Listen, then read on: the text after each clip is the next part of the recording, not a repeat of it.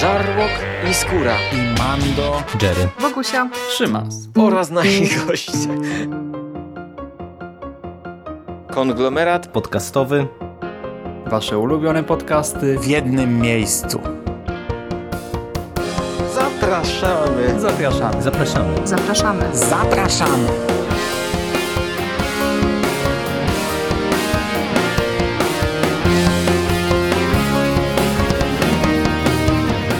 Witam w konglomeracie podcastowym, czyli na platformie, która zbiera wszystkie Wasze ulubione podcasty w jednym miejscu.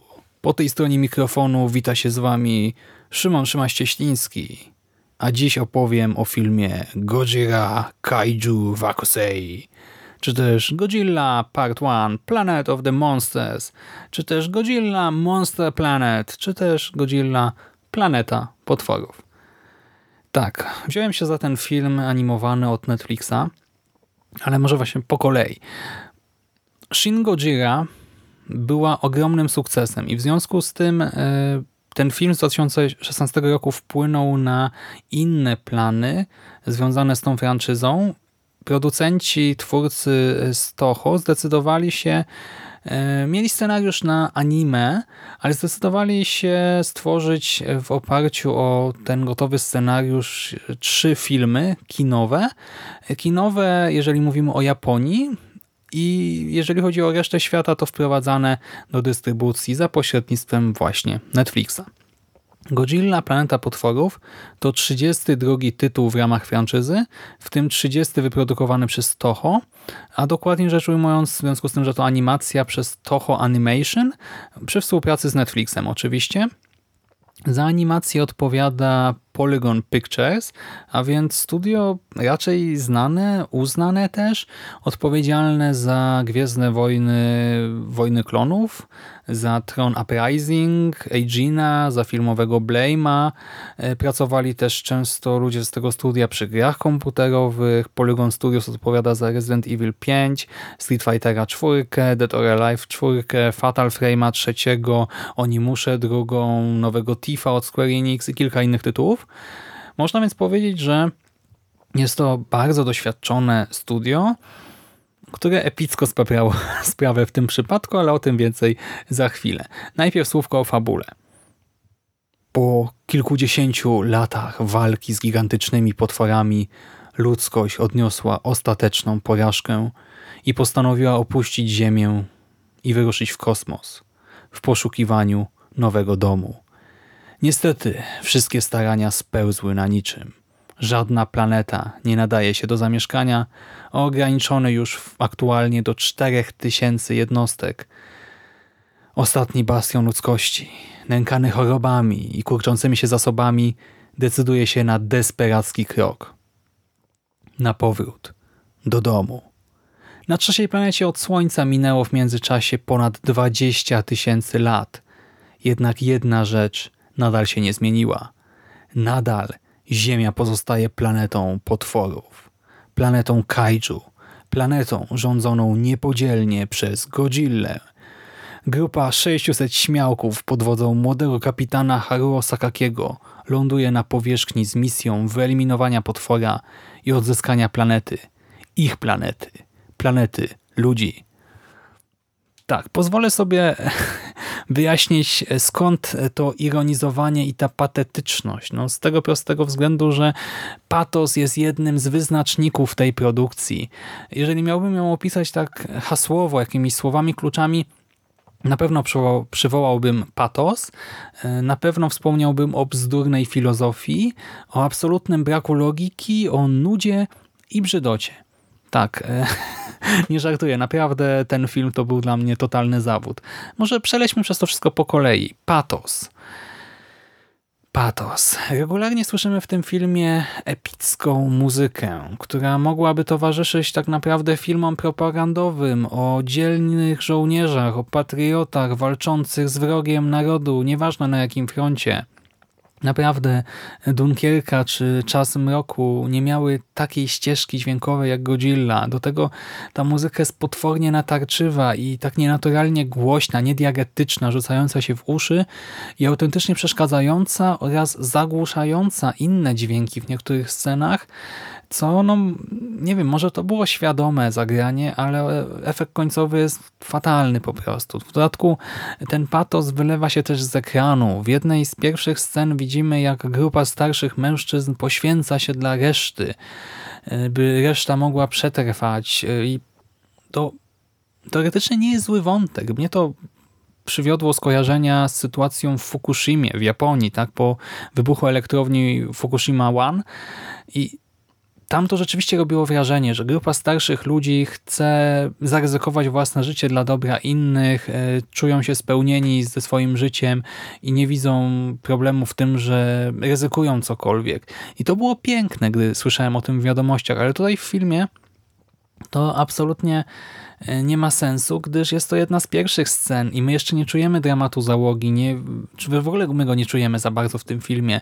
E, dlatego poświęcenie nie wzbudza większych emocji. Cały potencjał tej sceny zostaje już na wstępie zmarnowany. Ponadto e, kilkukrotnie słyszymy rozważania związane z podtytułem filmu. Podtytuł Planeta Potworów, pamiętajcie.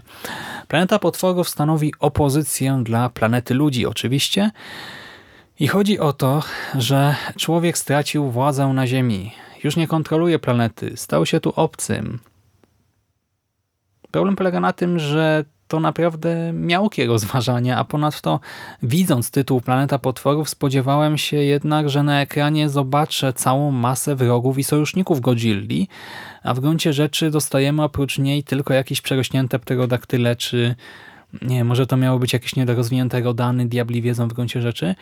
I tyle. Na planecie potworów praktycznie nie ma potworów. Słyszymy, że kiedyś tam były. I to jest kolejna rzecz, która obniża moim zdaniem mocną cenę końcową. Wiemy, że w zagładzie Ziemi brali udział, e, brało udział wiele potworów. tak? Dagora, Kamakura, Schedora, Anguirus, Orga, Mechagodzilla się też tam gdzieś pojawia w tle. No, sama Godzilla oczywiście także. I sama ta zagłada to no jakby nie patrzeć, e, pewnie coś ciekawego, widowiskowego, coś, co też by mogło zagrać jako film animowany, ale nie zrobiono o tym filmu. Napisano książkę.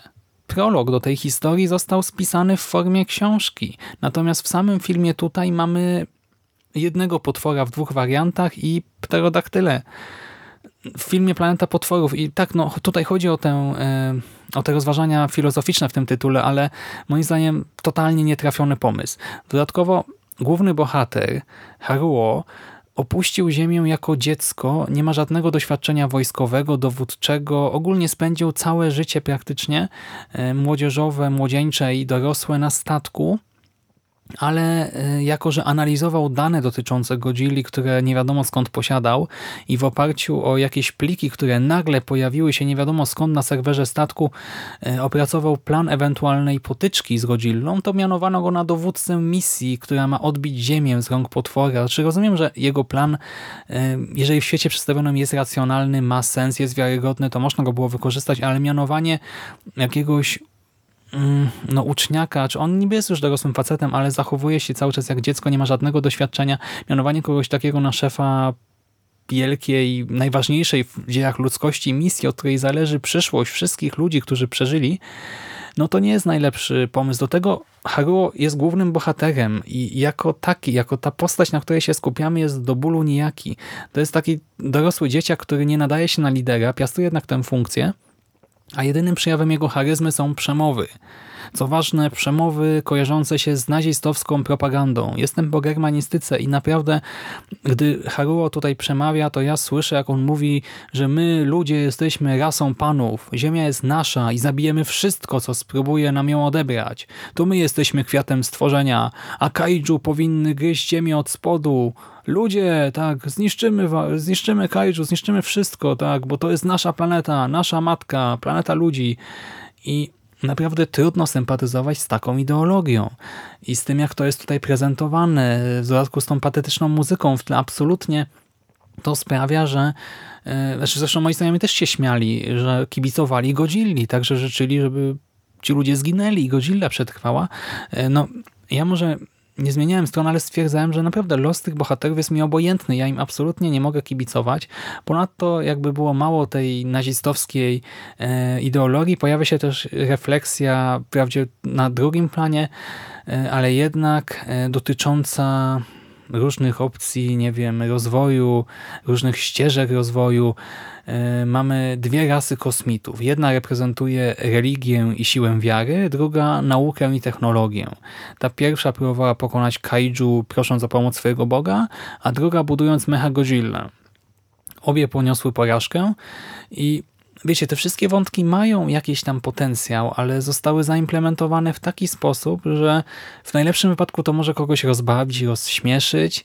E, no, wątpię, żeby ktoś wczuł się w ten patos. No, może jakieś małe dziecko, bo okej, okay, no jeżeli oglądamy to jako dzieci, to pewnie inaczej to odbieramy. tak? Nie, nie słyszymy tych słów, e, nie analizujemy ich znaczeń, a po prostu słyszymy patetyczną muzykę i przemowę pana kapitana. Wtedy to może działać, ale jeżeli rozumiemy, co się do nas mówi, to to absolutnie nie działa. Do tego w tym filmie dostajemy w gruncie rzeczy niewiele ponad to, niewiele ponad te smętne albo no, niezbyt mile widziane e, rozważania, to znaczy Godzilla pojawia się dopiero w 53 minucie. Wiele osób narzekało na film Garetha Edwardsa, że tam e, potwór pojawia się za późno, że jest go za mało w gruncie rzeczy. No to tutaj mamy go dużo, dużo mniej. Cały film trwa 89 minut, z czego to ostatnie, nie wiem, pewnie z 9 to napisy e, i w ramach nich jeszcze krótka scenka dodatkowa. Więc tak naprawdę większość tej produkcji, te 80 minut to e, no, jedna wielka nuda. Obserwujemy najpierw smęcenie głuptasków na statku kosmicznym. Ok, mamy tę retrospekcję, wyjaśnianie, co się wydarzyło wcześniej. To w miarę tam wygląda i wizualnie, i fabularnie jest ok, chociaż szkoda, że tego nie widzieliśmy. Wiem, że jest książka, ale nadal Szkoda, że akurat z tego zrezygnowano. Obserwujemy za to naszych głuptasków na statku kosmicznym. E, są smutni, są zmęczeni, nie wiedzą co ze sobą zrobić. Potem postanawiają wrócić na Ziemię, trafiają na powierzchnię naszej planety i tutaj znowu nasze głuptaski są nieporadne, nie wiedzą jak sobie, jak się odnaleźć w tym świecie. I tyle. Ostatecznie dochodzi do starcia, w ramach którego Godzilla ze trzy razy użyje swojego e, atomowego oddechu, zionie tą dziwną energią, po czym zostanie unieruchomiona i e, wydarzą się jeszcze tam dwie, trzy rzeczy. Co istotne, to nie jest żadne widowisko. To naprawdę tak wygląda, że e, Godzilla jest gdzieś tam wabiona e, w taki średnio atrakcyjny sposób, zionie sobie raz, dwa, trzy, zostaje unieruchomiona, dzieje się jedna, druga, trzecia rzecz, koniec. Do tego, skoro mowa o widowiskowości, to oprawa audiowizualna, ona jest bardzo daleka od ideału. Plenery, ręcznie rysowane tła, one robią wrażenie. Nie wszystkie, ale w większości wyglądają całkiem nieźle, ale sama animacja jest sztywna do bólu. Bohaterowie są tak statyczni, jak tylko się da, a jeżeli już się przemieszczają, to wyglądają jak drewniane kukiełki. Godzilla zaś wygląda jak z gumy, w dodatku porusza się jakby była sparaliżowana, a ilość klatek na sekundę w momencie e, poruszania się Godzilli często spada, nie wiem, do pięciu. E, naprawdę to wygląda źle e, i cały ten seans był dla mnie wybitnie nieprzyjemny. Ja obejrzałem ten film dlatego, że znajomi mnie zaprosili na wieczór, w ramach którego mieliśmy oglądać sequel. No to uznałem, że warto by znać tę pierwszą część i no zawiodłem się strasznie. Rozumiem, że te niedoróbki w animacji mogą wynikać z ograniczeń budżetowych, tak, że nie było za wiele pieniędzy, więc tam jest, nie wiem, jedna ładna sekwencja z Godzillą, a reszta, no to mm, zrobili co mogli, powiedzmy, ale e, nuda i te nielogiczności w scenariuszu to jest coś, czego wybaczyć nie mogę. A że i główny bohater jest fatalnie rozpisany, jest yy, no takim rozwydrzonym, troszkę naiwnym, niedojrzałym, e, nie wiadomo dlaczego mianowanym na lidera niedoszłym Adolfem. Nie rozumiem tego. Dla mnie to okropna pomyłka, jakaś, jakaś straszna pomyłka i dlatego absolutnie nie polecam wam tego seansu.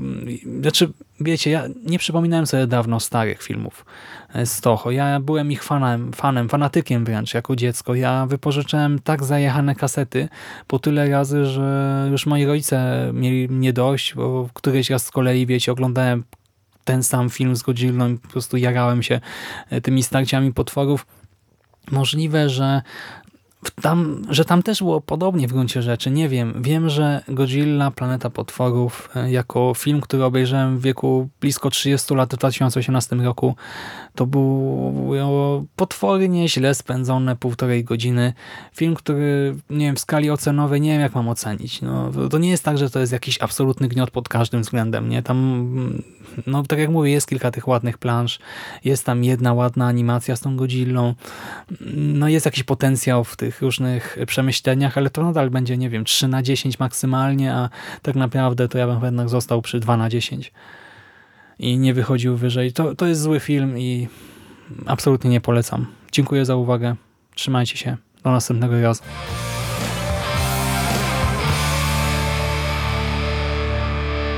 You finished? That's it, man. Game over, man. It's game over. What the fuck are we gonna do now? What are we gonna do? It's over. Nothing is over! Nothing! You just don't turn it off!